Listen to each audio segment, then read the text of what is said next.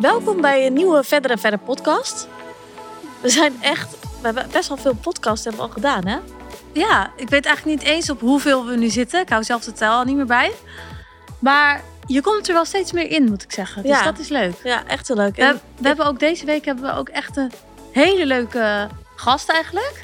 Ja. En dat is wel echt een grappig verhaal. Want wij waren natuurlijk in eh, LA. En het leuke is dat je tegenwoordig ja, overal kan werken. Bij ons, tenminste bij onze baan dan, hè. Maar bij ons gaat werk gewoon door. ja, Dus- we- het was grappig, want wij hadden dus eh, een aanvraag voor eh, een, eh, dat we moesten spreken op een event. Hoe heette dat event ook alweer? De Road Symposium. De Road Symposium. Alleen, wij hadden natuurlijk volmondig ja gezegd, omdat we dat soort dingen gewoon leuk vinden om te doen. ja, met dat soort dingen. Dit was ook wel echt een super groot evenement. Waar dus vorig jaar was daar de eigenaar van Rituals, Rituals die daar, die daar eh, sprak. Nou, echt wel coole mensen Ja. altijd. En onze PR-manager Annemiek vond het echt helemaal cool dat we daarvoor Ja. werden gevraagd. Het was dit jaar was Ze het, zit nu ook te lachen. Ja. het was dit jaar was het wel alleen digitaal. Normaal is het echt eh, zalen gevuld ongeveer, een hele grote zaal gevuld. En nou ja, wij gingen dus net naar LA, dus dat kwam eigenlijk een Ja, in beetje de tussentijd hadden we dus LA hadden we gepland. Dus dat was eh, dat we dat hadden, maar ook onze LA-trip. Dus toen dachten we, nou, weet je wat we doen? We gaan het gewoon vanuit LA doen.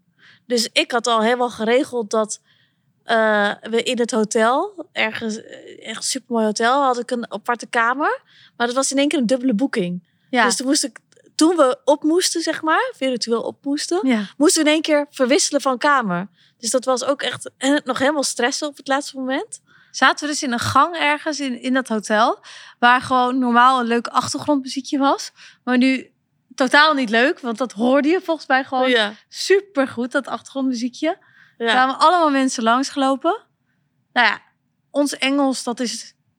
Vind jij het goed, ons Engels? Nou, vroeger was het echt heel slecht bij mij. En toen was ik super onzeker erover.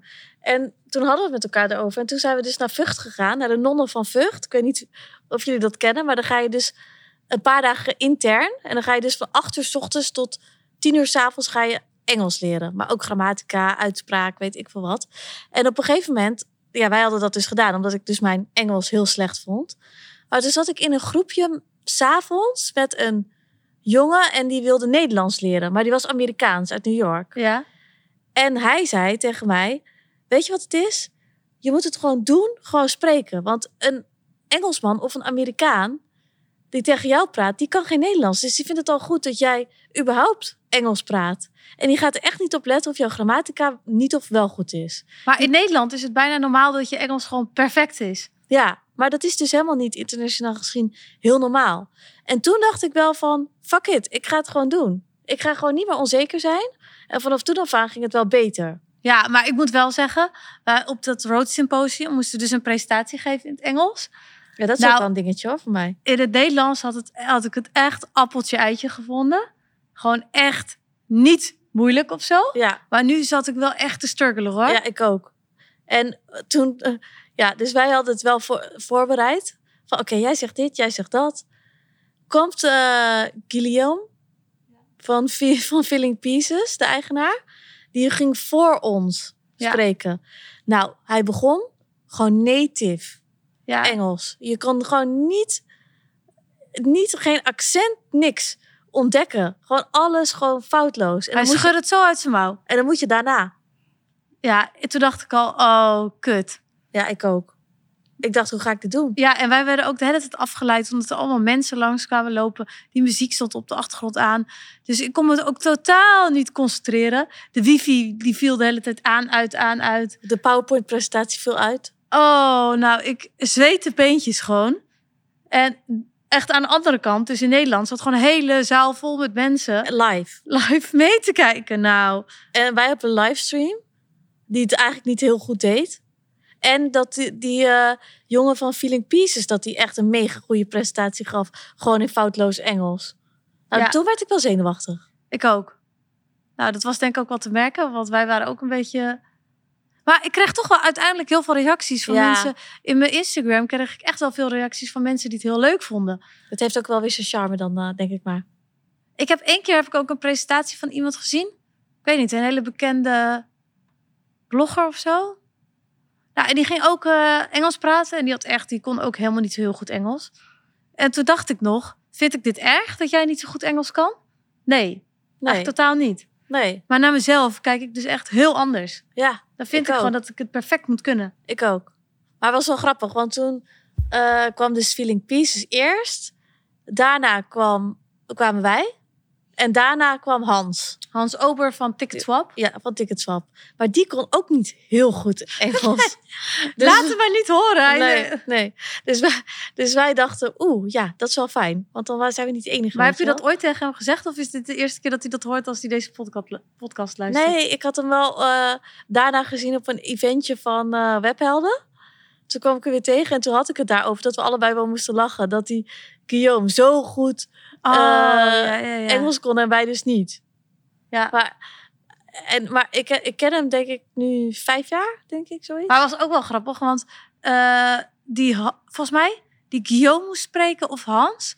Alleen wij moesten tussendoor moesten ook verkassen, omdat we niet konden blijven zitten op ons plekje. Dus we konden niet die hele presentatie zien. ja, Eigenlijk van één konden we niks zien. nee. Alleen dus de eerste minuut of zo. En toen kwamen we dus weer in op het stukje dat wij weer erbij moesten. En toen vroeg die presentator ook... En, wat heb jij opgestoken van het gesprek, het interview met eh, Hans? Ik dacht, oh help. En ik dat was echt live niks ook, gezien. Het was ook live. Dus ik heb maar gewoon gezegd, ja, dat je snel moet schakelen als ondernemer. Dat je niet moet wachten op, op het juiste moment. Echt geen idee of hij dat echt- heeft. Volle bluff. Uit je mouw geschud. Volgens mij dacht iedereen, hmm, oké, Ja, dat is niet besproken, maar goed. Ja, en op het laatst vroegen ze, want het was de Road Symposium en dat was voor studenten of zo. En eh, toen vroegen ze op het laatst, hadden ze een poll gemaakt van waar of niet waar, of eens of niet eens, eens of oneens. Oh ja, En toen zei ze, eh, je studie is belangrijk voor je carrière als ondernemer. ja. Toen had ik gezegd, oneens. Vol oneens. Vol oneens. En eh, omdat ik dus niet zo heel veel heb opgestoken van mijn studie. En eh, toen dacht en toen daarna zeiden Hans en eh, Guillaume zeiden eens. Maar het was natuurlijk een event voor studenten vanuit de universiteit of zo. Ja, Dus ik dacht later, oh, ook zo daar heb ik stom. eigenlijk nooit over nagedacht. Ook zo stom dat ik oneens zei. Want het is natuurlijk dat de opleiding belangrijk is. Nee, maar ik denk dat het juist wel leuk is met zo'n poll dat niet iedereen dezelfde mening heeft. Ja. Dus er moet altijd even eentje tussen zitten die gewoon even een andere mening heeft. ja, maar aan de andere kant dacht ik, oeh, dit is niet zo handig voor mij. Ik vind het juist wel weer grappig. Niet zo doordacht. Nee, ik vond het juist wel grappig. Tegen draad. Lekker tegen draad. Ja, maar goed. Dus toen eh, kwam Hans. En wij waren zo geïntrigeerd door het verhaal van Hans. En dat was ik eigenlijk al langer. Want ik ken hem natuurlijk al van daarvoor al. Maar ik had hem een tijdje al niet meer gesproken. En zijn bedrijf gaat echt als een malle. Iedereen heeft denk ik wel een keer wat gekocht bij Ticketswap.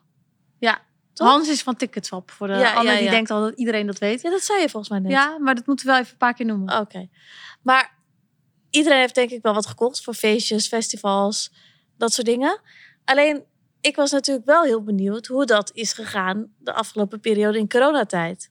Want dat zijn natuurlijk wel de eerste bedrijven die minder gaan, denk ik. Maar nou, ik vind het sowieso wel interessant. Want wij hebben natuurlijk ons verhaal heel erg van dat je een idee hebt en dat dat dan in één keer groot wordt. En dat heb ik bij hun ook. En bij een ander kijk je dat naartoe, oh, die zijn in één keer heel groot geworden.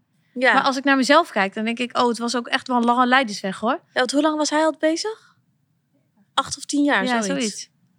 Ja, En hij heeft het met twee vrienden gedaan. Ook één huisgenoot, omdat hij toevallig eh, goed de website kon bouwen of zo. Dus echt maar vond jij niet een hele, wat wij hebben meegemaakt, dat het echt wel heftig is om te ondernemen? Ja, je moet er echt alles voor opgeven. Ja, Echt alles. en ik ben dan ook wel benieuwd of dat bij iedereen zo is. Ja, ik, moet, ik mag het nooit meer van jou zeggen, maar eh, er is een gezegde. Je zou je ziel er nog voor verkopen. Is dat een gezegde of heb je die gewoon zelf bedacht? Nee, dat is een gezegde, toch? Volgens mij bestaat die helemaal niet. Ja, Annemie klikt, klikt ja. Nee, Je zou je ziel er nog... Nee, dat is volgens mij wel een gezegde. een gezegde bij Anne. Nee, nee, nee. Dus, volgens mij algemeen. Maar goed, dat en, en weet je wat ze wel zeggen? Ehm, je moet het even graag willen als je wil ademen. Ja, dat is de secret. Dat is de secret. Ja. ja. Super Amerikaans natuurlijk. Ja. Dus je moet het mega graag willen. Maar die klinkt altijd ook wel wat lekkerder als je hem gewoon in het Engels zegt, hoor. Ja. Do you want to bed as you want to breathe? Ik kan merken dat jij naar de non in Vught bent geweest, hè? Zeg jij dan? Nee. Oké, maar goed. Ik denk wel dat eh, ondernemen is gewoon echt eh, Ups en downs. oh, heel erg ups en downs. Ik denk dat wel elke, elk moeilijk vak heeft dat natuurlijk wel. Maar ik, ik heb gewoon meegemaakt dat ik dat heel erg zo vind. Daarom vind ik het ook extra leuk om met ondernemers te praten. Om ook te vragen of zij dat ook zo hebben gezien. Of dat het bij anderen wel makkelijk afgaat. Ja, en ook tips. Ja, of zij nog tips hebben. Ja, ik denk uh, wij hebben daar ook heel veel wat aan. Maar anderen natuurlijk Ja. ook wel. Dus ik word altijd wel helemaal Ja. vrolijk van met ondernemers praten. Ja, en Hans is echt lekker droog, Ja. nuchter.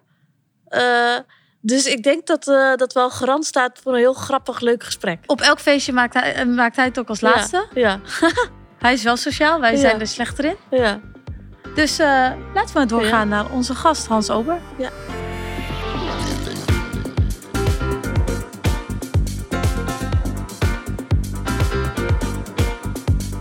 Vandaag hebben we een nieuwe gast bij de Verder en Verder podcast.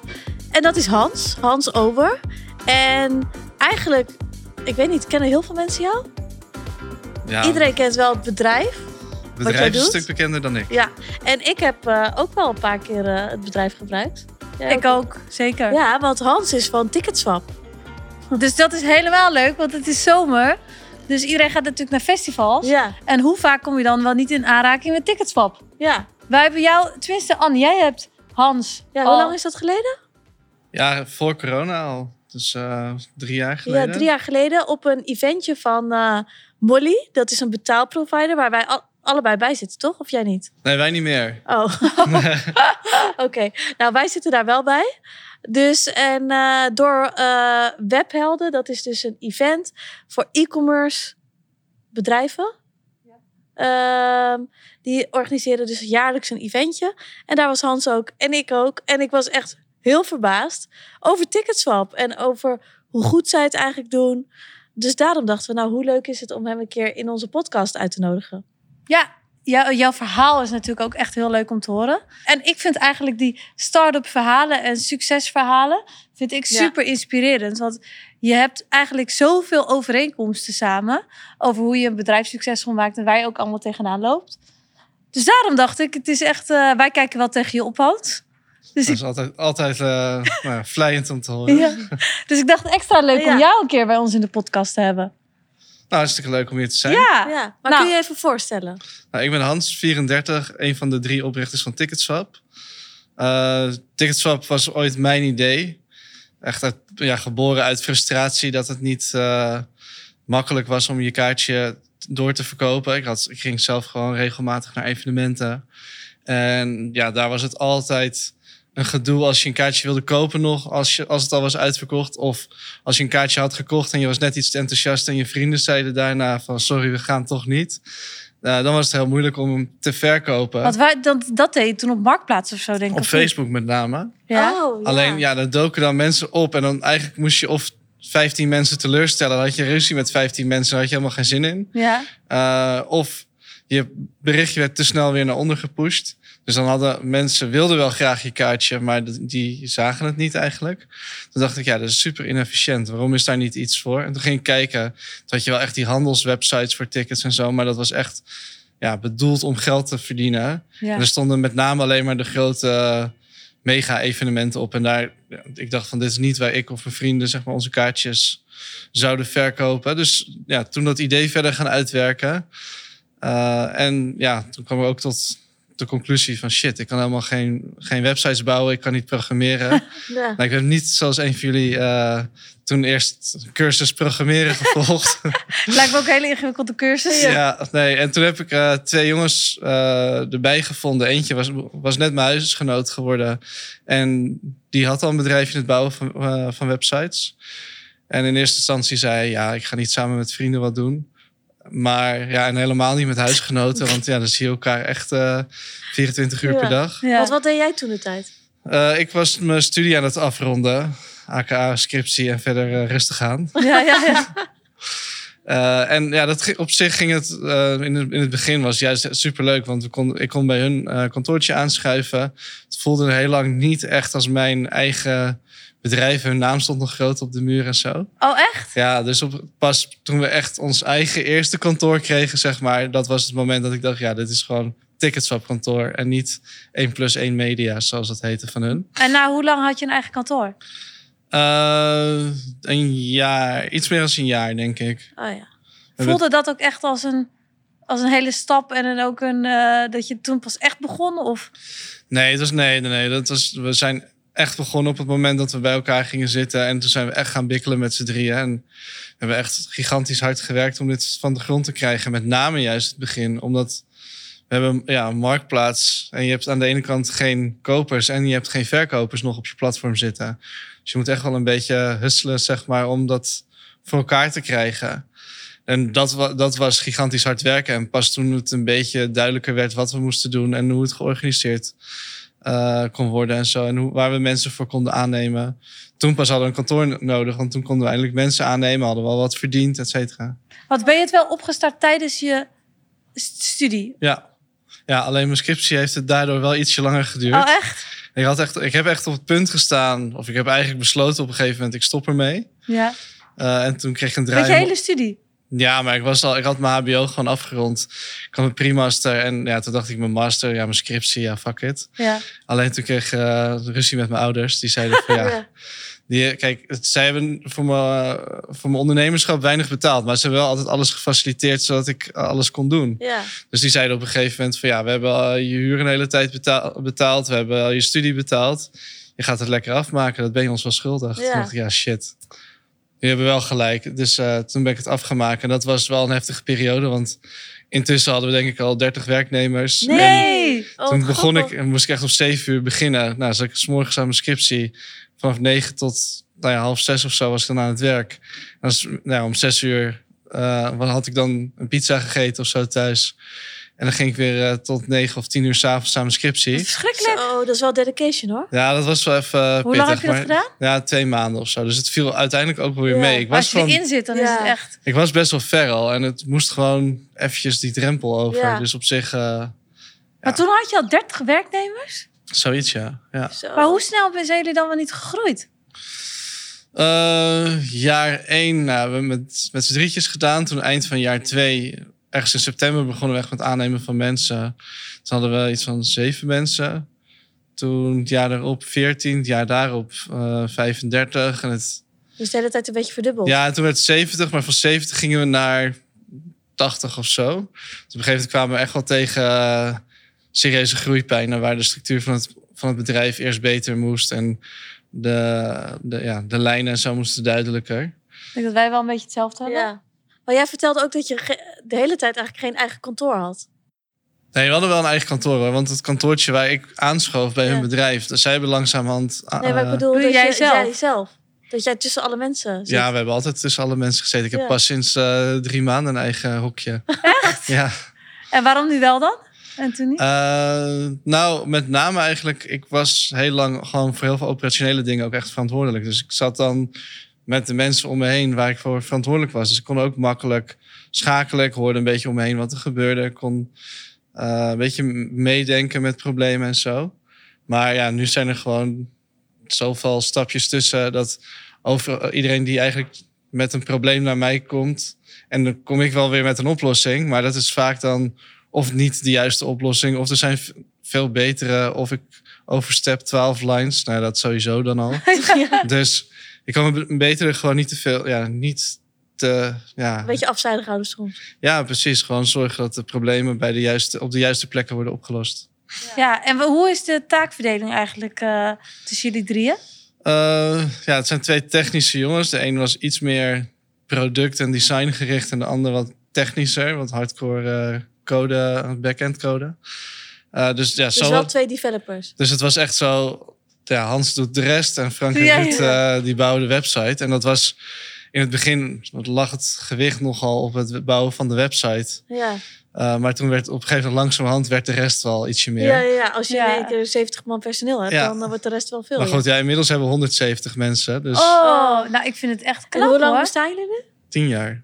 echt heel knap. Ja. Had jij ooit verwacht dat het zo'n succes zou worden? Nou, nee, totaal niet. Ik heb ooit een eh, businessplan gemaakt. En toen zat ik... Ik was dan aan het rekenen en zo met allemaal aannames. En ik had wat onderzoek gedaan. En toen kwam ik echt op miljoenen omzet uit na een paar jaar. Dat ik echt dacht van, nou, laten we dit maar in de prullenbak gooien. Want het is weer veel te optimistisch. eerst, maar, eerst maar eens gewoon bij het begin beginnen. Ja. En dan, dan kijken we wel hoe, eh, Ja. hoe rijk we onszelf kunnen rekenen. Maar ja, ik moet hem nog steeds een keertje bijpakken. Maar Maar dat is leuk. Maar wij hadden ook zo'n eentje ja. gemaakt op het begin. Ja. En toen hadden we uitgerekend hoeveel kettingjes ze dan per dag moesten verkopen. Ja. En op een gegeven moment kwam Anne met een berekening. Ja, dan moeten we wel tien kettingen per dag verkopen.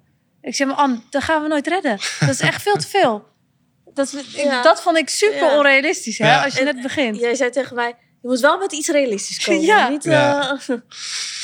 Ja, het is altijd mooi als je dat soort plannen weet te overtreffen. Dus ik ben zelf eigenlijk nog heel benieuwd naar mijn eigen plannetje en hoe dat, eh, hoe, dat er, ja, hoe realistisch het eigenlijk was. Want we, zijn echt nou ja, door het dak gegaan. We hebben die, die cijfers zijn wel royaal voorbij. Ja, Ja. maar in, ik denk dat in, in de corona jullie wel echt een eh, lastige periode ook hebben gehad. Hoe ben je daarmee omgegaan? Eh, ja, nou ja, hoe we zijn- mee zijn omgegaan. Dat is, kijk, het, je neemt het een beetje dag voor dag. En dat is natuurlijk ook wel een beetje wat ondernemen voor een deel ook wel is. Je doet iedere dag een stapje. Alleen Ja. meestal ga je een stapje vooruit. Ja, ja. En nu gingen we met grote sprongen achteruit. Dus we zagen het ook wel redelijk vroeg aankomen eigenlijk. ja? Ja, we hadden wel voorzien van als, ja, als dit virus in China is en het is echt zo besmettelijk, waarom zou het alleen in China blijven? Er gaan iedere dag duizenden vliegtuigen de grens over. Dus ja, dan zijn we ook wel de klos. ja. En als er een plek is waar zoiets zou kunnen verspreiden, zijn het natuurlijk wel evenementen. ja. En misschien niet eens alleen op de evenementen, maar ook in de rij en in de bus ernaartoe, et cetera. Dus we hadden wel een beetje gedacht van als, als dit nu zeg, ja, er- ergens anders opduikt dan in China, zijn we de klos. Ja, en, dat, ik denk, als ik wel eens naar een festival ga, dan vind ik het, sta ik van- soms wel versteld hoe onhygiënisch Ja. het eigenlijk is. ja, ik heb, Dus dat is natuurlijk het je raakt wat- zeg maar schouder aan schouder, Ja. denk ik, Ja. honderden mensen op een dag aan. Ja. Uh, maar toen uh, zagen we dit een beetje aankomen. En ja, toen hadden we ook met elkaar erover gehad van ja, wat kunnen we in godsnaam doen? Ja. Maar ja, de conclusie was eigenlijk van ja, we zijn gewoon fucked als dit komt. Want Ja. we kunnen niks doen. Omdat ja, je geen evenementen houdt in geen kaartjes. Geen kaartjes houdt in geen tweedehands kaartjes. Nee, ja. En dat is voor ons dan nul business. En uh, dat gebeurde eigenlijk ook. We hadden echt, zeg maar, na die eerste persconferentie hielden we de- denk ik nog 10% van onze omzet over. Zo. Maar ja, uh, hè, de winst, als je winstmarge, uh, stel je voor, die is 10%. En dan gaat 90% van je omzet af. Ja, dan ga je redelijk in de min. Ja. En dan kan je nog zo goed en gezond bedrijf zijn. Maar daar is ja, Nee. niks of niemand tegen opgewassen. Heb je je toen zorgen gemaakt over van, oh, misschien gaan we echt failliet of dat niet? Nou, nee, ik heb niet echt tijd gehad om me zorgen te maken. We zijn eigenlijk continu bezig geweest met plannen maken van hoe kunnen we zo goed mogelijk hiermee om te gaan, omgaan. En er werd steeds meer duidelijk. En dat was een beetje aan de ene kant het frustrerende, aan de andere kant nou ja, fijn dat er Ook wel Heel- hoop, denk ik. heel veel, mogen, of heel veel maatregelen zijn getroffen om ondernemers en bedrijven te helpen. Uh, dus dat was een beetje zo'n periode, echt een soort van periode waar je steeds een klein beetje hoop kreeg. Ja, Alleen ja, over het algemeen zijn we ook altijd wel gewend dat als je denkt van oké, dit gaat voor ons uh, voordeel opleveren. Uh, dan is het 99 van de 100 keer uh, niet zo. Of werkt het zelfs in je nadeel uit. En ze gingen er eigenlijk stiekem ook een beetje van uit. Of we durfden er niet echt van uit te gaan dat het voor ons ook nou ja, zou helpen. ja, en echte ondernemerschap komt dan ook wel weer naar Ja. boven, vind ik. Van Want- hoe ga je hiermee om? ja, Of, of je gaat op de bank liggen, of je gaat echt... Ja, eh, maar we hebben. Kijk, dat, dat, dat, dat stadium zijn we gewoon voorbij. Dat kan je doen als je met z'n drieën samen een bedrijfje Ja. hebt. Maar als je. We hadden op het moment dat dit gebeurde 105 mensen in dienst. Zo. Dus ik kan niet. Ik heb, heb ook de verantwoordelijkheid naar die Ja, mensen ja. en hun gezinnen en noem maar op. Om te wat zorgen heb, dat. je allemaal, wat heb je toen gedaan? Nou, in eerste instantie hebben we geprobeerd geen paniekbeslissingen te nemen. Uh, want om me heen zag je heel veel bedrijven die dan of zelf of onder druk van investeerders allemaal mensen meteen gingen ontslaan en weet ik het allemaal. Dus dachten wij, ja, dat kunnen we wel doen. Maar als we daarmee twee weken minder snel failliet zijn, dat maakt ook geen reet uit. Nee. Kunnen we beter even, even wachten. En dat bleek eigenlijk ook wel een goede call geweest te zijn. Dus we hebben, nou ja, in eerste instantie gewoon die, alle subsidies aangevraagd die beschikbaar kwamen. Dat was in eerste instantie de NOW.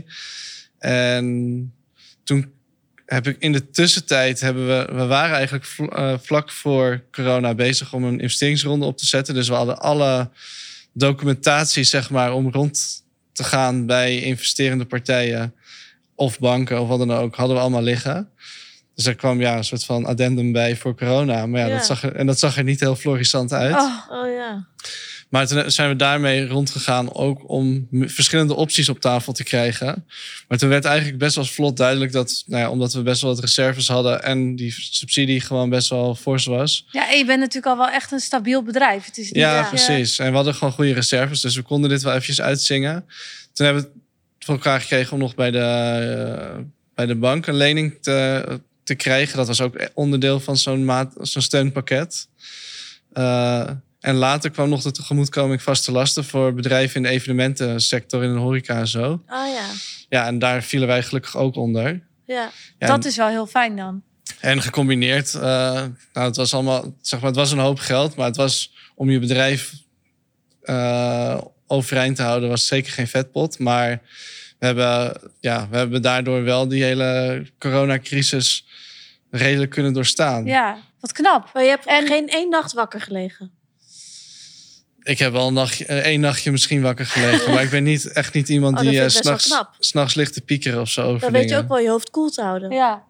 Ja, maar ik denk dat dat ook wel nodig is als je nou ja, een bedrijf met eh 150 Ja, of 100 ja. mensen hebt. Ja. Maar het is, je bent natuurlijk met twee anderen bij dit bedrijf gestart. Mhm. Je bent ongelooflijk snel gegroeid en heel veel ups en downs meegemaakt samen. Hoe is die relatie dan onderling nu nog steeds? Want het lijkt me best wel. Je begint aan iets. Het is een soort huwelijk. Je hebt ik. geen idee dat, dat, dat je tien jaar later dit hebt neergezet. Nee. Lijkt me best wel moeilijk om daar Nee. altijd goed met elkaar te blijven omgaan ook. Nee, nou, die relatie is eigenlijk heel goed. Dat, eh, we, hebben, we zijn alle drie gewoon naar elkaar, eigenlijk niet alleen naar elkaar, maar alle drie gewoon hele eerlijke, open gasten. En dat helpt dus ook door gewoon frustraties uit te spreken of dingen die je niet goed vindt gaan. En ja, dus daar respect ook voor te hebben als er iemand dat iets van jou vindt of wat dan ook. Ja. Dus zou je dat ook als tip meegeven aan mensen die een bedrijf willen opstarten met ook vrienden of huisgenoten zoals jij hebt gedaan? Nou, ik sprak laatst bijvoorbeeld iemand die zei: Ja, ik zoek een co-founder en dat moet een soort van vriend zijn. Ik, maar ik vind dat echt totaal, over, to- totaal niet Het nodig. is weer Ja. toevallig bij jou. Ja, het is kijk, en, eh, en met de ene ben ik meer bevriend geraakt dan met de ander. Maar we kunnen het, we kunnen het sowieso zakelijk gezien heel goed met elkaar eh, vinden. We lopen niet de deur bij elkaar plat, maar dat hoeft ook helemaal niet. Het gaat er gewoon om dat we, dat we beide de juiste personen zijn voor de job. Ja, En of we of wel of niet op elkaars verjaardag komen, of weet ik het allemaal. Het is een beetje bijzaak. Het gaat erom dat je zakelijk en, en met be- belangrijke beslissingen gewoon goed met elkaar kan omgaan, elkaar aanvoelt en respect voor elkaar Ja. hebt. En dat je alle drie het Ja. beste voor hebt eigenlijk met het bedrijf. Precies. Ja, nou Es, ik weet nog wel dat jij een keer op een festival stond en dat je een kaartje had gekocht via Ticketswap. ja. En dat eh, het kaartje niet, eh, niet, het niet deed. En toen heb je op zaterdagochtend naar Ticketswap ge... Nee, ik stond op dat festival en toen had ik gewoon Ticketswap gebeld. En die hebben me echt helemaal geholpen met alles. Ja, op zaterdag. Dus echt super goede klantenservice ook. Ja, dat is, dat is ook wel iets wat nodig is. Kijk, het probleem is gewoon dat hè, naarmate we steeds volwassener worden als bedrijf, eh, hebben we steeds meer kaartjes waar we 100% zeker van kunnen garanderen dat die gaat werken. Maar zelfs dan gaat er ook nog wel eens wat mis aan de deur. Ja, Dus het is gewoon voor ons belangrijk dat op het moment dat iemand niet binnenkomt, dat ze ons kunnen bereiken Ja. en dat we kunnen helpen. En dat, Ja. eh, dat doen we graag. Ik heb het zelfs wel eens gehad. Toen waren we denk ik twee jaar bezig. Toen stond ik in de rij voor dekmantel. En toen stond er een meisje voor me. En die kwam niet binnen. En die hoorde ik zeggen, ja, ik heb hem via Ticketswap gekocht. Echt? En ik denk, godver. Dus toen heb ik haar mijn, eh, mijn kaartje gegeven. Ik zeg, nou, ik regel zelf wel weer een nieuwe. Oh, wat Dus dat was, eh, die was wel blij dat ik haar zo kon, Dus zij kon had een helpen. 5 sterren review gegeven aan uh, Ticketswap. Nou ja, kijk, ik wil, ik wil helemaal niet die review. Ik wil gewoon dat jij binnenkomt Ja, en ja, er ja. Niet, niet over vijf sterren voor klantenservice hoeft na te denken. Ja. ik heb als ik dan, ik zie heel veel mensen altijd lopen met onze sieraden. En dan heb ik altijd nog steeds dat ik eigenlijk naartoe wil lopen en zeggen: hé, hey, dat is sieraad van ons. Ja. Maar als je dan mensen zo hoort praten, heb je dan ook geen zin om te zeggen: hey, ik ben van Ticketswap. Ik heb, ik heb wel eens in de trein gezeten. Toen ging ik naar een feestje en ik zat... We hadden al een paar biertjes op en zo. Toen zaten er naast ons zat er een groep jongens... en die had een hele theorie over hoe je zo snel... hoe je zo succesvol mogelijk op Ticketswap kaartjes kon scoren. En Dat was echt heel grappig en daar klopte echt geen reet van. ik weet wel dat ik de hele tijd aan het refreshen was. Ja. Gewoon echt de hele tijd. Dat ik mijn laptop gewoon openstaan. Ja. En dan drukte ik de hele tijd op refresh. Ja, ja, ja, dat weet ik ook en dan nog zat er iemand anders in de checkout. En dan baalde je weer. Ja, En- nee, dat hele refreshje, dat, dat doet ook niks meer. Oh. Nee? Nee, je moet echt de app en dan kan je met pushberichtjes. Dat is eh, als, je met, ja, als je de app hebt, die installeer je en dan moet je Oh, notificaties aanzetten voor dat evenement. Dan moet je ze dus ook op je telefoon voor die app aan hebben. En dan pushberichtjes is by far het snelst. En als dat dan niet snel genoeg verkocht wordt, dan pas gaan we e-mailtjes sturen. Oh, ja. Of en het komt ook pas later zichtbaar op de website. Want anders krijg je allemaal mensen met botjes en dat soort eh, Oh, dingen. ja. Die gaan er misbruik van maken. Maar Hans, jou- jouw bedrijf is nu zo groot. Voel jij je nu ook echt heel succesvol? Of voel jij dat zelf niet zo? Nee, ik, denk, ik voel me. Kijk, ik voel, uiteraard voel ik me succesvol. Maar ik denk dat anderen meer tegen mij opkijken dan, dan, dan hoe hoog op de pedestal ik mezelf zie staan. Ja? Eh, ja, maar het heeft helemaal geen zin. Wat mij betreft helemaal geen zin om naast je schoenen te lopen. Op kantoor ben ik gewoon one of the guys. En eh, samen hebben we hetzelfde doel voor ogen. En het is aan mij de taak om iedereen zeg maar, met het hoofd dezelfde kant op te krijgen. En ja, als ik dan enorm ga lopen pochen van kijk Ja. mij nou de succesvolle ondernemers zijn. Al die mensen doen het harde werk. Ja. En welke, welke periode in, van de afgelopen tien jaar vond je het meest lastig? Eh, ja, de coronaperiode. En los van de coronaperiode had je daar ook een... Ja, ik, er was een moment dat we, zeg maar, wat was het, 35, 40 mensen hadden ongeveer. En toen merkten we gewoon dat de structuur van het bedrijf een beetje aan het, ja, de boel in de steek liet. Ja, En dat was natuurlijk gewoon mijn verantwoordelijkheid. Maar dat niet iedereen precies wist wanneer ze nou succesvol waren. Eh, en wat voor middelen ze tot hun beschikking hadden om succesvol te worden. En wat, nou, wat, is, wat betekent nou voor iemand succes? Wanneer heb je nou het heel goed gedaan en wanneer heb je het nou niet goed gedaan? eigenlijk ook een beetje HR. Ja. Nou, Ja. dit is wel echt, wat mij betreft, puur management. Om de juiste KPI's op te stellen en eh, te zorgen dat iemand daar ook echt verantwoordelijk voor gehouden kan worden. Ja. Want we hadden op een gegeven moment, ja, iemand was verantwoordelijk voor Frankrijk. Maar ja, Frankrijk, verantwoordelijk voor Frankrijk, wat houdt dat in? Dat platform werkte ook als een soort van vliegwiel. En ja, uiteindelijk eindigde het een beetje dat die mensen ofwel partnerships aan het doen waren, of Facebook aan het afstruinen waren, om een beetje eh, mensen berichtjes te sturen en zo. Maar dat was natuurlijk niet wat Nee, we helemaal nee. in gedachten hadden om Frankrijk een succes te Nee. maken. Maar ik denk ook wel dat als je een, eh, een bedrijf opstart... wil niet zeggen dat je ook een hele goede manager bent. Nee, dat En ik denk dat wij daar ook al tegenaan Ja. zijn gelopen. Wij zijn er gewoon heel goed in het merk uitdragen en en- ver- bedenken welke stappen we moeten Maar ik denk zetten. dat een van de grootste uitdagingen bij bedrijven die van klein naar groot gaan, is dat je mensen nodig hebt die duizendpoten zijn voor bepaalde rollen. Want als je zegt, eh, ja, je moet de marketing doen. Hè, bij ons is inmiddels marketing uitgesplitst. Eh, We hebben nog niet iedere positie gevuld, maar iets van twaalf posities. Mhm. Ja. Dat is marketing. Ja, Ja. normaal moest, hè, dat deed één iemand. Ja. En die deed ook communicatie en PR en alles, weet je wel. Dus het was, En Ja. HR waarschijnlijk. En, eh, nou, dat deed ik dan nog. Uh, maar je ziet gewoon, je hebt duizend poten nodig in het begin. En naarmate je groeit, ga je of die men- mensen moeten kunnen meegroeien als soort van manager. Of je merkt dat die mensen achter raken. Dat is echt Ja. wat En- wij ook heel erg hebben gemerkt. En dat, en ja, dat zijn momenten in je organisatie waar je op een gegeven moment ook echt af- moet kiezen om afscheid te nemen. Ja. Maar ook een tandje betere, of ja, een tandje, een flinke stap betere mensen aan te nemen. Om op een gegeven moment jou te vertellen hoe je je marketing moet gaan doen. In plaats Ja. van dat jij zegt, terwijl, want, eh, met alle respect, maar wat weten jullie nou van marketing? Heb je dat tegen ons? Ja. nee, maar ik, ik, Ja, het is wel waar. Het is wel waar. Wij, ons personeel weet er meer van dan wij zelf. En wij Ja. staan ook wel echt open voor dat, wat zij zeggen. ja, maar dat is, dat is super Ja. belangrijk. Maar dat houdt Nou, wel in jij dat niet je... hoor, met marketing. Wel. Gevoelig onderwerp. Nee, Ja. maar bij mij is dat wel echt zo ook met HR en eh, financiën. En eh, ik ben zo blij dat ik daar eh, hulp bij heb. Ja, maar het is gewoon super belangrijk Ja. om echt goede mensen aan te nemen. En ik ben We hebben altijd eh, heel erg gestreefd om onszelf overbodig te maken in het bedrijf. En niet uit luiheid, maar om te zorgen dat we dan verder konden focussen op stappen vooruit in plaats van de dagelijkse gang van zaken. En is dat gelukt? En ja, op het moment voor mij best wel. Als ik eh, een paar weken niet zou zijn, gaat alles prima door. En dan ja. zullen niet veel mensen echt eh, last van hebben. Maar ik merk wel dat als ik er wel ben en ik kan wel pushen en ik kan wel eh, irritante vragen stellen en helpen met eh, nou, bepaalde strategische vraagstukken.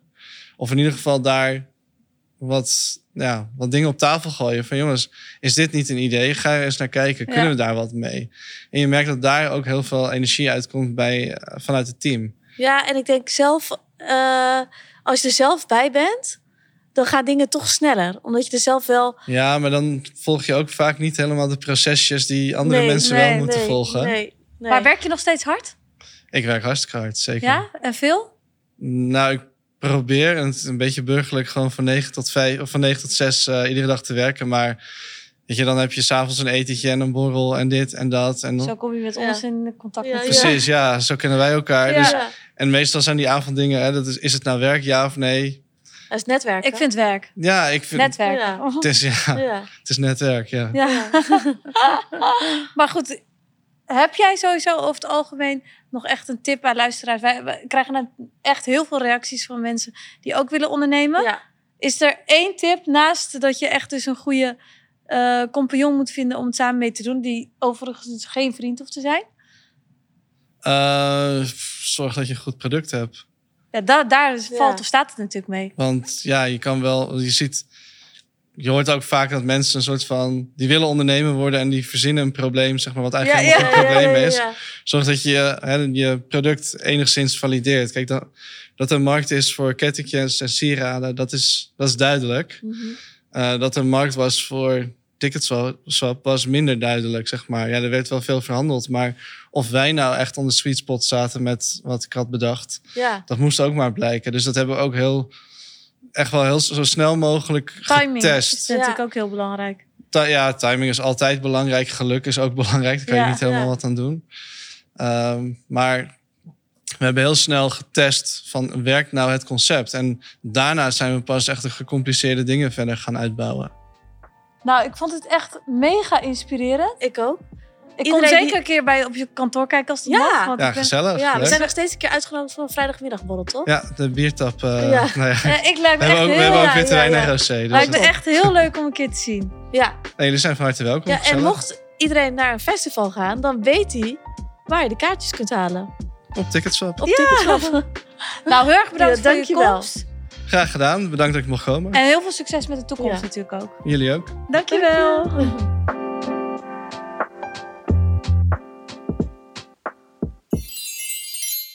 Deze week hebben we weer een nieuwe story behind the jury. Nou, elke week doen we eigenlijk een, eh, een verhaal wat ons eh, wat, wat heel bijzonder is en waar eigenlijk verder en verder voor staat. Dus wij zijn altijd heel benieuwd wat klanten nou bestellen, waarvoor. En eh, ja, mocht je het leuk vinden om een keer in deze uitzending te komen, dan kun je ook altijd even een mailtje sturen naar marketing verder-verder.com. En wie weet zit jij in volgende, de volgende aflevering van de podcast. Ja, en dit is wel echt een verhaal wat ons eh, heel erg heeft aangegrepen. Misschien kan jij iets vertellen over hoe dit allemaal zo is Ja, gekomen? ja. Nou, want eigenlijk doe ik dat bijna nooit. Nee. Maar ehm, ja, ik, ik zat op Instagram en je hebt, eh, met Instagram heb je verkennen. En toen zag ik eh, dit verhaal via een blog voorbij komen. En toen ging ik er meer over lezen. En het greep me zo erg aan. Eh, ja, dat ik eh, haar een berichtje heb gestuurd. Nou, eigenlijk had, eh, had jij het naar me doorgestuurd. Ja, En toen zei je, zal ik een berichtje sturen of zal ik het niet doen? Toen zei ik, ja, doe gewoon. Misschien vindt ze het wel heel bijzonder. Ja, en zo heb je dat gedaan. Dus ik denk dat dat wel echt eh, is even anders dan de andere verhalen die we ja, hebben. heel anders. En daarom vinden we het ook extra bijzonder dat eh, jij vandaag eh, in de uitzending kan zijn. Want ze zit hier. Ja, En eh, ja, zou je misschien jezelf even kort kunnen voorstellen? Ja, zeker. Ja. Ehm, ik, eh, ik ben Marissa. Ik eh, ben eh, net 30 jaar oud. En eh, nou ja, inderdaad, waarvoor jij mij hebt gecontact was omdat mijn dochtertje overleden is. Heel spontaan en onverwachts eigenlijk na de eerste verjaardag. Dus ehm, ja. Ja, want ehm, hoe, ja, vertel wat meer over het verhaal van hoe kan dat dat, ze, Ja, dat, dat zo is we gebeurd. weten eigenlijk nog heel weinig. Want ehm, ze, ze wordt, tenminste, de onderzoeken lopen nog. Dus we weten alleen nu dat er een virus in haar lichaam zat. En het virus heeft haar hele lijfje overgenomen. En het zat volledig in haar hart. En de, de dokter heeft ons gebeld laatst en die zei... Ja, dit virus was zodanig erg aanwezig... dat ook een volwassene dit niet overleefd had. Zo. Zij heeft zo gestreden... En, eh, maar verder, ja, alles loopt nog. Want ze gingen nog kijken naar de nieren. Nog kijken, want het was zo onverwacht. Ja. Dus ehm, ja. Dat, En was ze ja. daarvoor ook al ziek of is het echt... Nou, Senna was veel ziek. Ja. Maar gewoon kin, kindziek, zeg Ja. maar. Weet je, ze worden ziek. Ze krijgen, eh, ze krijgen ja, een griepje. Ze krijgen dan weer een, eh, de zesde ziekte, de vijfde. Al die kinderziektes die je hebt. dus is tuurlijk, niet te doen. En het viel me vaak wel op. Want zij was veel ziek. En dan werd ze nou, voor 80% beter. En dan werd ze weer ziek, zeg maar. En ja, dan, maar dus niet het- anders dan... Nee, nee, ja, er was vaak wel dat ik... Nou, ik moet wel heel eerlijk zeggen, ik heb heel vaak naar Senna gekeken en gedacht... Er is iets met jou. Oh, echt? Er, Ja. i- er is iets, ja. En, en ik, ja, het klinkt heel onaardig. Ik noemde Senna ook altijd een beetje, of eh, Senna onze Downy. Ja.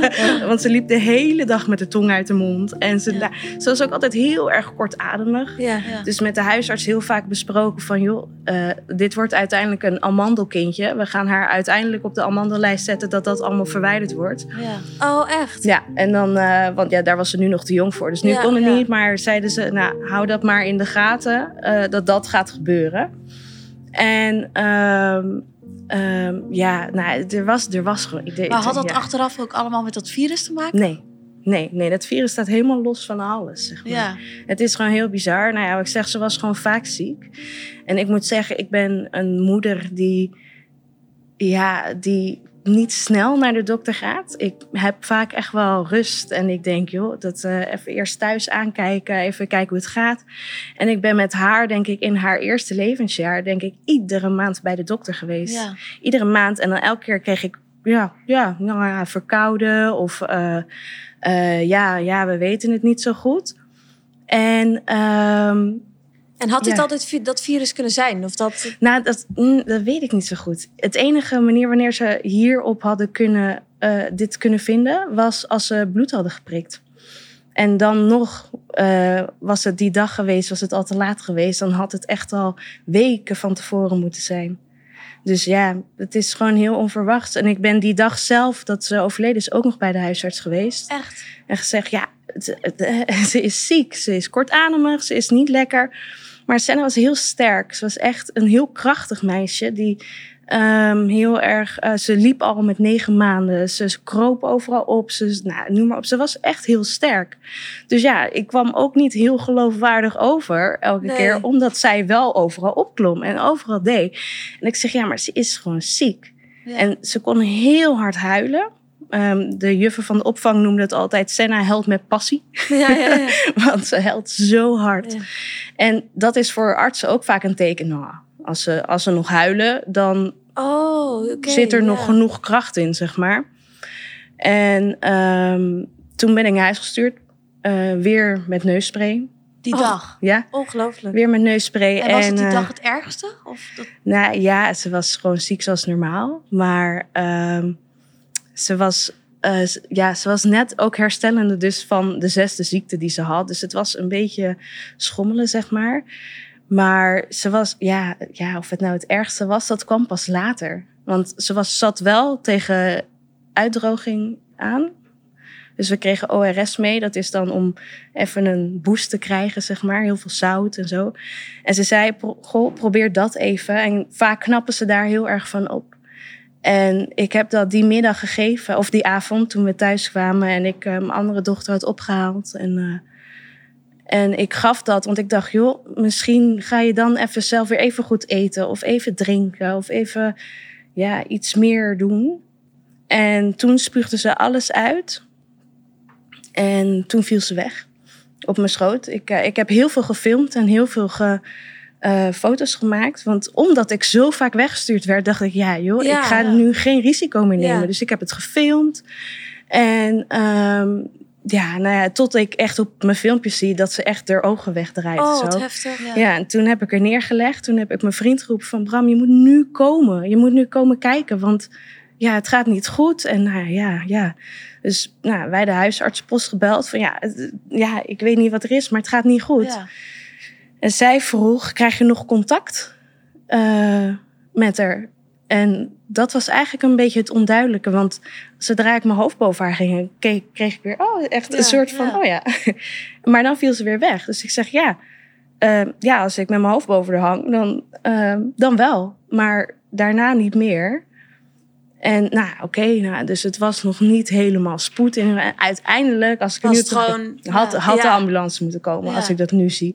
Had ook niks uitgemaakt, maar... ehm, nee, dus, en wij wonen echt op twee minuten rijden van het ziekenhuis af. Dus ze zei, joh, kom gewoon hierheen en dan gaan we gewoon meteen even kijken. Dus, eh, en als er... Ze zei, goh, gebeurt er onderweg iets erg? Ga je aan de, aan de kant staan en dan komen we eraan. En ik dacht alleen maar, ja, joh, ik ben veel sneller als ik zelf Ja, rij. dus eh, nou, ik moet zeggen, in de auto ging het goed. Want ehm, ze, ze zit schuin achter mij en ik keek de hele tijd naar haar. En ze zat me alleen maar zo aan te kijken van, wat gaan we doen? En ik alleen maar tegen haar praten, komt goed, komt goed. We gaan naar, naar de dokter, je wordt nu weer beter. En nou, noem maar op. En eh, in het ziekenhuis, zeg maar, werden we uiteindelijk vrij snel geholpen. En eh, ik zei het, nou, ja, en toen, ze was heel slap. Dat was het ook nog. Ze was heel slap. Dus ze, Ja. zat, ze hing bij mij op schoot. En ik zeg tegen de arts, ik zeg meneer, dit is niet mijn kind. Mijn kind loopt, rent, doet, noem maar op. En hij was de eerste dokter die zei, ik zie het. Ik zie dat het niet goed gaat met jouw kindje. En dat was echt een soort van, Ja, van Oh, eindelijk iemand. Oh, die- ja, ik, voelde, ik was zo blij dat hij mij, ja, dat hij mij gelijk gaf, zeg maar. Dat ik dacht, hè, hè. En eh, hij zei, joh, ik wil toch nog even wat testjes doen. Even kijken, even naar de hartje luisteren en zo. En dat ging hij doen. En dat duurde heel lang. Hij bleef maar met die stethoscoop, maar heen en weer. En weer luisteren. Oh, en dat kan de en tijd ik- dan ook lang ja, duren, en ik dacht alleen maar, wat is hij nou aan het prutsen? Ja. Wat doet hij nou? Ja. Kom op. eh. en ik dacht, ik was alleen nog maar in de wolken. Ik dacht, hè, hè, hij ziet ook dat ze ziek is. Ja. Dus nou, ik dacht, nou, het komt nu goed. We, hè. Ik had trouwens ook al een tas gepakt. Ik dacht, ik ga niet naar huis. Ik Ja. ga Ja. vandaag niet naar huis. Ik wil geholpen worden. En ze zegt, word maar opgenomen. Ik was, ik was er helemaal klaar voor om te blijven, zeg maar. En ehm, toen zei hij, oh, ik moet even de zuurstof meten. Nou ja, prima. eh, ik, ik wist helemaal niet wat hij hoorde en deed. Dus ik dacht, nou, is goed. En dat lukte ook niet. En ik dacht, nou, wat is er nou aan de hand? Wat is dit? Joh, laat me dan maar gewoon naar de echte arts gaan. Ja. En eh, wat dus uiteindelijk bleek, hij had de kinderarts gebeld. En die was op dat moment niet in het ziekenhuis in Hoofddorp, maar in Haarlem. En hij zegt, joh, ik wil dat ze naar de kinderarts gaat. Ik ga, er, ik ga diegene even bellen. En ja, dat werd in dat kamertje gedaan, maar alleen maar medische praat. Ja, de- de- eh, nee. daar, ik heb daar geen verstand van. Nee. Dus ik zat daar maar en ik hoor hem op een gegeven moment alleen maar zeggen: Ja, echt waar. Ja, dat klinkt niet, Nee. Ja. niet heel geruststellend, maar ik dacht, nou, het zal wel. Ik heb haar daar nog omgekleed, want ze was die dag de hele dag thuis geweest met papa. Want eh, ik, moest, ik was naar werk gegaan en hij zou thuis blijven met haar. Dus het was ook een setje kleding dat je dacht, hè, Ja. mannen. Ja, ja, ja. dus ik had er nog omgekleed en toch tegen haar gepraat van, joh, hè, we gaan eindelijk naar de dokter en dan moet je er goed uitzien, hè, want eh, eindelijk. Ja. En eh, een super mooie romper aangedaan bij haar. En een truitje, want ze, ze had het ook koud en zo. Dus ik dacht, nou leuk. En toen zei de eh, huisarts van de huisartsenpost, die zegt... ehm, we gaan je, voordat je naar Haarlem gaat... ehm, want ik, ik zei eerst, moet ik zelf rijden? Ik Ja. ben snel genoeg, dus kan wel. Zei die, nee, nee, je mag niet zelf rijden. Dus je gaat met de ambulance met haar. Nou, oh, oké, prima Ja, ja. prima. Maar nog steeds niet wetende wat er nou aan de hand Nee. was. Toen zei hij maar, ze moet eerst naar de spoedeisende hulp. Daar wordt ze ge- eh, gestabiliseerd. En ik dacht alleen maar, oh, eh, oké. Ik Ja. denk, ze krijgt een infuusje, even... even ja, ik, weet, ik, weet, ja, ik had echt nog geen idee. Dus ik liep mee met hem naar de, naar de spoedeisende hulp. En ehm, daar werden we ontvangen door echt een super lieve zuster. En die zei, nou kom maar. Hup. Die had ook al mijn tassen mee, want ik had, ik had haar en ze ja, ze hing alleen maar, dus ik kon niet alles. eh, dus die had alles meegenomen en gedaan. En die, ehm, eh, ja, en, eh, ja, en op een gegeven moment, ik zit met Senna op bed en zij zit op schoot bij mij, dus met haar rug tegen me aan. En op dat moment eh, voel ik in de kamer paniek. Er wordt een beetje, nou niet geschreeuwd, maar wel ge, Ja. ja, eh, heen en weer gerend. En dat moet gehaald worden, dat moet gehaald worden. En eigenlijk toen raakte ik een beetje zelf in paniek. Maar ik dacht alleen maar, joh, als ik nu ga huilen, daar heeft zij niks Nee. aan. Zij, dus ik was me Dus echt heel erg groot. Ja. Ik was me echt heel erg groot aan het houden. En haar zo een beetje aan het aaien, kusjes geven, noem maar op. En toen kwam die zuster naar me toe en ze zegt... joh meid, het gaat echt heel slecht met jouw kindje. En toen brak ik, want toen dacht ik... Ja. goh, als zij dit zegt Ja. zo... Ja, ehm, En misschien ook eindelijk dat, dat je serieus genomen wordt. ja, nou ja, nou ja, de spanning in die kamer zei echt al genoeg Ja. dat, er, eh, dat het echt niet goed was. Dus ik dacht, ah, oké, en eh, toen brak ik. En op dat moment ehm, werd er geroepen om een botnaald. En eh, de ambulancemedewerkers waren er ook al. Dus die waren met mij bezig. En ondertussen werd er van alles met Senna gedaan. Maar ik heb haar gezicht niet meer gezien. Oh. Maar wat er dus gebeurde, zij viel weg. Oh. Zij overleed in mijn armen. Oh. En dan die botnaald is nog een soort laatste redding. Die slaan ze zeg maar in je knie. En eh, echt in je knieschijf. Dat was, want dat voelde ik, want ze zat bij mij op schoot. En ze zeiden ook, ook ja joh, je moet maar niet kijken. En ik dacht alleen maar, niet kijken? Ik wil, eh, ik wil zien, ik ben niet bang voor naalden, Ja, maakt mij het ja. uit. Maar zelfs de ambulancemedewerkers trokken mijn hoofd weg. Want het schijnt gewoon heel naar te zijn. En... ehm, eh, op dat moment spuugde ze en, eh, ja, en toen is ze eigenlijk is de hartje gestopt Oh. op dat moment. Terwijl ze nog, dat was wel voor mij het meest ehm, belangrijkste. Ze zat nog bij mij op schoot. Zij heeft eigenlijk niks meer meegekregen. Zij heeft niet meegekregen dat ik onder haar vandaan ben weggehaald. Dat, ik, eh, dat zij zo die tafel Ja. opgegooid is. En ja, ik ben weggestuurd. Of nou, niet weggestuurd. Ik ben de kamer uitgebracht. En toen zijn ze gaan reanimeren. En had je dat toen al door? Dat ze toen in je armen overleed? Had je toen al... Nee, ik dacht, zij leeft nog. Eigenlijk. Ik a- was, achteraf. ja, maar aan, aan de andere kant, ze zeiden ook, ja, je gaat pas reanimeren als een hart het niet meer doet. Dus ja, dus, ja, dus eh, ja, dat had ik helemaal niet bedacht. Dus ik dacht alleen maar, joh, ze zijn aan het helpen. Maar ja, toen duurde het wel heel lang en kwam ongeveer het hele ziekenhuis die kamer in.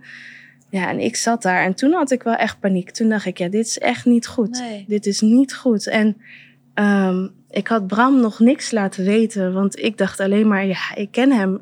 Oh, je Ik was ken- alleen. Ja, ik was de Ja. hele tijd alleen. Ik, ja, hij was thuis met Samara. Oh, ja. Dus ik zei al, ik dacht, als ik hem nu een bericht stuur van joh, ehm Senna wordt gereanimeerd, dan kan hij niet meer, ja, Nee, ik denk nee. in paniek niet Ja. meer rustig nadenken.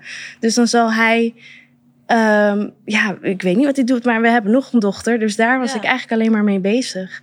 En toen kwamen er ook artsen en die ambulancemedewerkers bij mij. En die zeiden, joh, je moet iemand bellen, want je bent nu alleen Ja. eh, ja, je, je hebt iemand nodig. Dus ja, het was dat echt gesprek is dan ook... Ja, Hoe Ja. doe je dat? ja, nou, het was heel. Ik kon nog zo helder nadenken op dat moment. Ja? Want ik dacht dus, ja, ik ga Bram nu niet bellen, want ja, hoe gaat hij hier komen? En dan is Samara alleen. Dus ik heb mijn moeder gebeld. En ehm, ik heb gezegd, mam, het gaat echt niet goed, maar ik wil dat je Bram ophaalt en Bram naar mij toe brengt. En dat zij dan met Samara thuis zou blijven. En mijn moeder hoorde aan mijn stem natuurlijk dat het niet goed was. Dus die zegt, ja, ik kom nu, ik heb nu mijn schoenen aan, ik ga nu... eh, die woont ook heel dicht bij ons, dus dat scheelt. Oh, ja. Dus die heeft Bram opgehaald en ehm, is samen met Samara en Bram in de auto gesprongen. En die heeft ze daar afgezet. En toen is zij met Samara terug naar huis gegaan. En toen kwam Bram. En Bram had nog geen idee. Oh, wat erg. Ja, ik, ik, zei, ik zei later ook tegen hem... ik vind dat denk ik bijna ook het ergst. Dat ik jou niet heb verteld ehm, wat er gaande was. Ja. Want het was gewoon voor hem ook heel heftig. Want hij komt... Ja, ja, we werden de kamer ingeroepen. En... ehm, ja, ik was al een paar keer gevraagd of ik de kamer in wilde, maar ik wilde niet. Ik dacht, nou nee joh, ga maar. Ik, Ja. ik, ik, ja, ik kan nu niks, dus eh, doe maar wat jullie moeten doen. Ik wil niet. En toen was hij er en toen werd dus gevraagd. En toen kwamen we dus die kamer in. Ja, dat is denk ik het meest dramatische wat je Ja. kan zien. Ja. dat wil je niet. Het, e- ik, ik liep ook voorop, waarom weet ik niet. Maar ehm, ik, ben, ge- ja, ik, ben, ik zag alleen haar arm en je ziet dat kleine lijfje alleen maar op en neer gedrukt worden natuurlijk. En toen Ja. zei ik, nee, nee, ik wil niet. En dat was voor hem natuurlijk het eerste moment dat hij dacht, oh, het gaat echt heel slecht. Ja. Ik had wel gezegd dat het niet goed ging met haar, dus het was niet Maar heel... jij, jij wist natuurlijk niet in welke mate het... eh, Nee, dus hij wist dat helemaal niet. Dus dat was ehm, ja, wel heel onverwachts. En wat, wat was er gebeurd als je niet die avond naar het ziekenhuis was gegaan? Dan was ze waarschijnlijk in bed overleden, denken wij. En dan was het wegge- weggezet als wiegedood. Dan was gewoon Bizar, gedacht, ja, joh, ze is eh, in haar bed, in, ze- ja, het is gewoon niet goed gegaan of zo. En nu is het dan ergens, denk ik, het geluk geweest dat ik in het ziekenhuis was. En hoe vaak komt dit voor? Niet zo vaak. Toevallig heb ik met één moeder contact die dit ook heeft gehad. Maar ehm, het is een virus op zich. Ja, het is wel een gemeen virus. Maar op zich niet heel snel met een dodelijke afloop, zeg maar. Dat niet. Maar ja, Had dit voorkomen kunnen worden? ja, weet ik niet. Dan hadden we er denk ik echt drie, vier weken eerder al achter moeten komen. Dan had ze misschien inderdaad opgenomen moeten worden. En inderdaad, ja, aan een kuur. Want eh, met een bacterie kan je aan een antibiotica, maar met een virus kan dat niet. Dus ik weet niet zo goed wat ze dan hadden moeten doen. Nee. Maar ja, dan hadden we echt al waarschijnlijk weken eerder moeten zijn. En nou ja, ook dat, ja, maar ja, tot nu toe wat ze nu zeggen, joh, al waren we een paar weken eerder geweest, was de uitslag bijna hetzelfde geweest. Ja. Het was zodanig erg dat er, eh, ja, dus ja, het is echt Ja. een nachtmerrie waar je in, tere- in Ja. terecht bent gekomen. ja. ja en hoe zeker. gaat het nu met jullie? Ehm, nou, het ze is, zou vandaag anderhalf zijn. Morgen Oh, is het oh. een half jaar geleden. Ehm, dus ja, dat zijn wel dingen waar je een beetje naartoe leeft, soort van. Of eigenlijk Ja. tegenaan kijkt. van, Moeilijke oh, dagen? Ja, Ja. dat is alweer zo lang geleden. Of nog maar. eh. Het is maar hoe je het ziet, zeg maar. Maar ik moet zeggen, ik heb vrij snel therapie gekregen. Omdat ik al een keer eerder PTSS had gehad. ehm, wilden ze voorkomen dat Ja. ik nog dieper zou zakken. Ehm, dus ik ben echt vrij snel eigenlijk geholpen. Of nou, geholpen. ehm, ondersteuning gehad, Ja. zeg maar. En dat heeft me wel geholpen, waardoor ik mijn verhaal zo kan doen. Ja, ik nu. vind het echt knap van je dat je het Ja. zo mooi kan vertellen. En Ja, en het is, verschilt ook echt per dag hoor. Wat Ja? ik zei ook, hè, joh, eh, spanning en, eh, eh, en dit verhaal Ja. is soms niet een goede combi. Maar het scheelt ook als ik gisteren bijvoorbeeld al heel erg gehuild heb. Dan is de emmer een beetje leeg. Is de emmer al een beetje op zijn randje. Ja, dan is alles al te veel en dan kan ik echt alleen maar huilen. Dus dat scheelt voor mij heel erg. En de therapie heeft gewoon geholpen. wat goed. Ja, Ja, maar ik denk ja. dat je ook dat echt nodig hebt. Want Ja. ook al... Want het is natuurlijk zo'n traumatische ervaring Ja. die dag. Ja. Ja, En het is ook wel heel goed, denk ik, om het te kunnen delen ook. En over Ja. te kunnen praten. Ja. Want als je dat niet zou doen Ja. en het echt voor jezelf alleen zou houden, dan... Dat vind ik ook eigenlijk het belangrijkste. Daarom vind ik het zo mooi ook van dit, dat we, ik even mag praten over haar. Ehm, ik deel haar sowieso veel over haar. En dat vind ik zo mooi, want overal waar ik nu kom zijn mensen die zeggen... joh, ik heb je verhaal gelezen, wat erg. En Ja. mensen die Senna kennen. En via via hoor ik mensen die zeggen van... joh, jij kent dit meisje toch? En Ja. eh, vind ik zo mooi. Ja. Ehm, ja, dat vind ik eigenlijk het belangrijkste. Weet je, en dat zeggen ze ook, hè, noem haar naam en ze blijft bestaan. Ja. Ehm, dat vind ik het belangrijkste. want doordat jij dat verhaal zo mooi had beschreven... eh, op Instagram kwam ik weer op jou. Ja. En zit je, dus dat vind ik echt zo knap Ik van denk je. dat Ja. ook heel veel mensen, heel veel moeders er ook wel kracht uit Ja. kunnen halen. Ja, Die in een soort gelijke situatie terecht Ja. zijn gekomen. Of ook, ook iets hebben dat jij er zo mooi en open over kan Ja. praten. nou, wat eigenlijk het meest bijzondere van alles is... voordat Senna overleed, had ik dit heel erg bij andere mensen. Ik heb heel veel mensen gevolgd die hun kind overleden was. Gewoon niet uit... eh, ja, nou, nieuwsgierigheid is een beetje een slecht woord, denk ik. Maar ik was wel heel erg geïnteresseerd. Ik, was, nou, ik dacht, hoe doen ze dit? Ja. Ik, het kon het me niet voorstellen. Dat ik dacht, ja, hoe ga je als moeder hiermee om? En ik denk ergens, omdat ik toch in een zekere zin dus voorbereid was, gaat het wel ja. beter. En ik ben blij dat ik nu inderdaad voor moeders ook wat steun geef. Want ik krijg heel veel berichten van mensen van... oh jeetje, ik vind het zo erg, maar ik vind het zo knap hoe je ermee omgaat. Ehm, maar ehm, ze bijvoorbeeld mensen met een ziek kindje. Ik Ja. heb van de week nu een stukje geschreven over wat er gebeurde na dat ze overleden. Want dan komen er allemaal keuzes op je pad waar je nooit over na hebt Ja. gedacht. Ja. En daar heb ik nu een stukje over geschreven. Ook van, joh, eh, dit en dit is gebeurd. En dat is nog niet klaar, want er gebeurt nog veel meer natuurlijk. Maar dat zijn ook dingen dat je dan denkt, ja, ehm, ja, mensen zeggen, ja, het is zo fijn om toch te lezen. Ja. Ja. En eh, toch een beetje te zien hoe iemand daarmee omgaat. Inderdaad, mensen met kindjes die eh, echt ziek zijn, waarvan je weet, joh, die worden niet meer beter. eh, die zeggen ook, ja, het is toch al fijn om te lezen wat er komen gaat. Ja. ja. Dus dat, ehm, ja, Nou, je hebt zoveel meegemaakt. Je zou er wel een boek over kunnen schrijven. Ja. Zo echt. Ja. In het afgelopen jaar. ja, eigenlijk wel. Nou, eigenlijk daarvoor ook nog. We ja, hebben echt wel een heel pittige... Ja, erbij. ja, we hebben echt wel veel, veel, veel voor onze kies gehad. En dat maakt het zo moeilijk. Want we, ja, wat ik zeg, we hebben echt al veel meegemaakt. Dat ik dan denk, waarom moeten wij nu weer, weer gestraft worden voor zoiets? Ja. Eh, ik bedoel, ik ben nou niet eh, een slecht mens of zo. ik heb nee. altijd goede dingen gedaan. Eh, waar, waarom ja, ben ik in het vorige leven of zo in Hitler geweest? Ja. Of zo weet ik veel. ja, ik word, word nu gestraft voor dingen die niet, Ja. ja, die, Nee. waarvan ik vind dat ik ze niet verdien. Nee. Dus het is zo onrechtvaardig dat je Ja. daar gewoon eigenlijk niet bij kan. nee. Nee, precies. En dat is het. En dat maakt het nu wel dat je toch wel zoiets hebt van, joh, ehm, wat gaat er nog meer komen? Word Ja. ik nu ziek? Eh, word, gaat Samara nog iets krijgen? Eh, ja, Ja. weet je, dat eh, ja, heeft Bram weer wat. Bram Ja. heeft eh, vier jaar geleden tilbalkanker gehad. En nou, heu, komt dat weer terug. Ja. Weet je, dat je soort wordt dingen. ook bang, denk ik, voor Ja. dingen. Ah, je bent het vertrouwen in het Ja. leven kwijt. Dat is het. Eh, ja, weet je, in onze beleving is alles eh, slecht, zeg maar. Ja. Maar ehm, ja, ik moet zeggen, ik, het klinkt heel zwaar, maar ik heb nu wel meer betere dagen. Ik heb veel meer dagen dat ik weer denk, oh, oké, even, ik heb gewoon goede dagen. Ja. Maar de dagen die dus slecht zijn, zijn echt, echt heel intens. Ja. Die zijn Dat kan echt ik eh, heel goed voorstellen. ja. En laatst bijvoorbeeld, en het kan om van alles zijn, een liedje die je hoort. Het kan Ja. eh, pff, eh, überhaupt haar naam horen. Of eh, Samara die wat zegt over Senna. Weet Ja. je? Ja. Het, het kan ja, iets kleins zijn of iets groots. En dan heb je gewoon, het, het, het, het komt eruit en Ja. het stopt niet. Ik heb het laatst ook een keer gehad dat ik een liedje dus hoorde eh, bij de dansles van Samara. En dat liedje luisterde ik dan eigenlijk heel vaak al toen ik zwanger was van Samara en van Senna. En ehm, eh, dat liedje heeft een, op de lijst gestaan voor de uitvaart. We hebben hem uiteindelijk Oh, niet gedaan, ja. omdat we, eh, ik, ik hem iets meer aan Samara heb gekoppeld.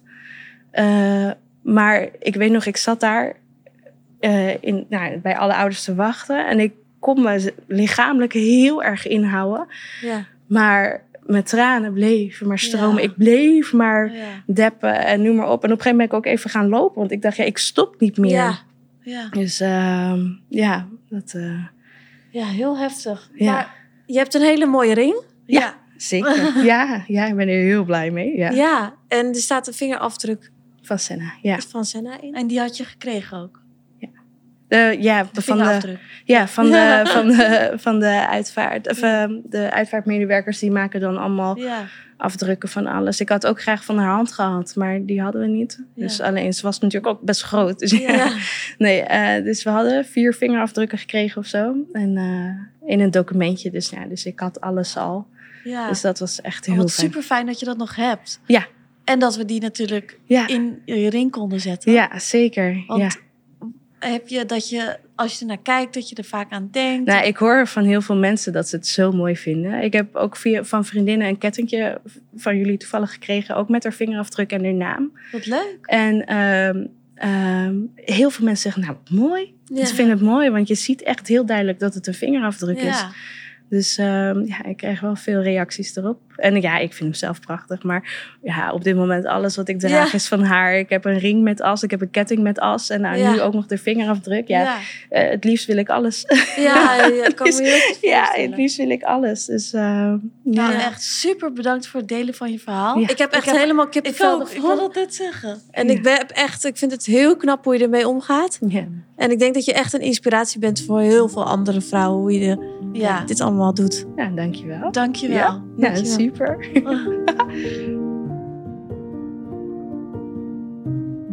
Nou, dat vond ik wel echt een eh, heel bijzonder verhaal. Ik vind het ook echt bizar. Nou, soms sta je er helemaal niet bij stil, want dan denk je dat eigenlijk al, alles alleen maar goed gaat bij kleine kinderen. Maar zo kan het ook wel dat het even niet goed gaat. Nou, we hebben echt over het algemeen, vind ik wel dat we zoveel bijzondere verhalen al hebben in zo'n korte tijd in onze podcast. Dat ik elke keer gewoon eigenlijk sprakeloos ben van wat er eigenlijk allemaal in het leven gebeurt. Ik ook. Kijk, op Ja. social media krijg je natuurlijk altijd een heel eenzijdig beeld van dat de wereld maar altijd perfect is voor iedereen. Maar eigenlijk is dat helemaal niet zo. Nee, maar toch vind ik het wel mooi hoeveel een mens eigenlijk aan kan. En hoe positief mensen ook eigenlijk Ja. kunnen blijven. Ja, is echt wel, het zet mij wel tot eh, ja, aan het denken. bij mij ook. Maar ik vond het gesprek met Hans vond ik ook echt eh, heel interessant. Ja, Ook echt droog is hij, hè? ja, maar heel herkenbaar vond ik Ja. het ook wel weer. Dat je gewoon, ja, hij is zo nuchter. Ook die coronaperiode. Ja, maar ga er maar eens aan staan Ja. hoor. Als je zoveel mensen in ja. dienst hebt. Ik zou het echt heel moeilijk vinden. Ik vind het mega knap. Maar ik denk toch wel weer leuk om te zien dat je toch heel snel kan groeien. Ook weer kan verkleinen eigenlijk en minderen. En dan toch weer die doorstart te maken. Ja, super knap. Nooit bij de pakken neer gaan Nee. zitten. Dus eigenlijk de les gewoon. Ja, heel knap. Ja, echt heel leuk om te horen. Nou, ik hoop dat jullie het ook heel interessant vonden. Ja, En wij gaan weer aan de slag met de volgende aflevering. bedankt voor het luisteren.